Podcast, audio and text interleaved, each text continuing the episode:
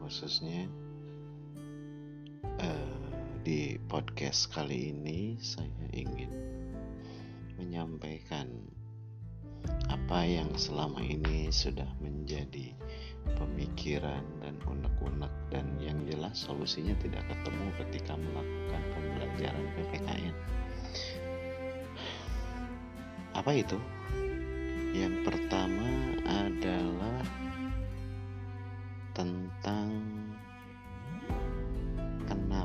kenapa KD1 itu atau spiritual KD2 itu sosial. Sedangkan pengetahuan di KD3 dan keterampilan di KD4 uh, eh, mungkin kalau menggunakan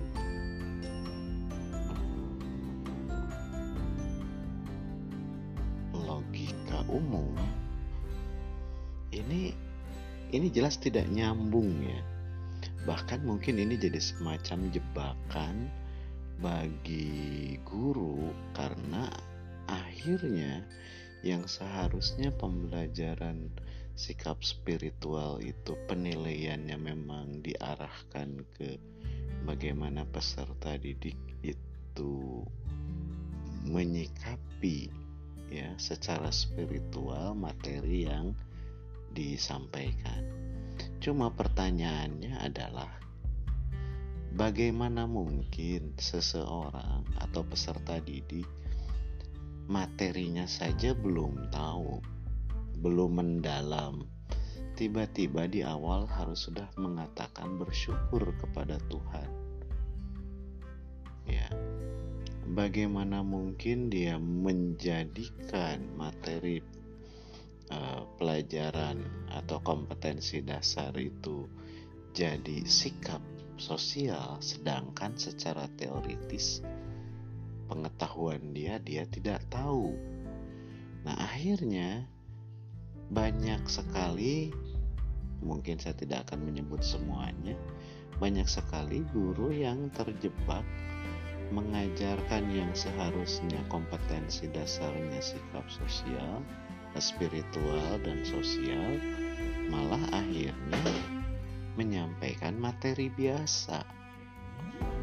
Dan tentu akhirnya guru kesulitan untuk melakukan evaluasi atau penilaian. Nah, ini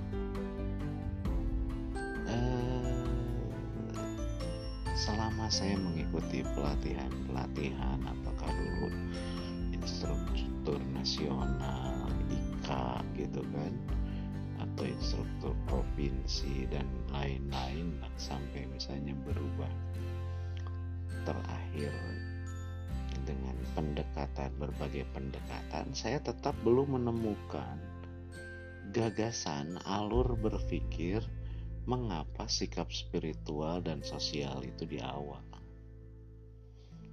Bahkan ketika um,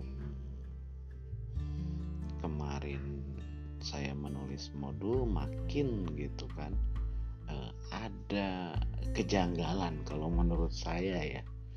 Bahkan mungkin kalau para pembuat desain kurikulum PPKN itu bisa tidak menjelaskan kepada para guru bagaimana sikap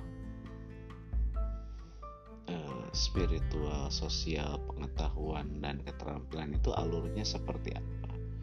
Kita jangan terjebak dengan apa ya seolah-olah karena mungkin saya takutnya gitu karena Pancasila itu sila pertama itu ketuhanan yang Maha Esa maka harus didahulukanlah dalam semua aspek itu sikap spiritual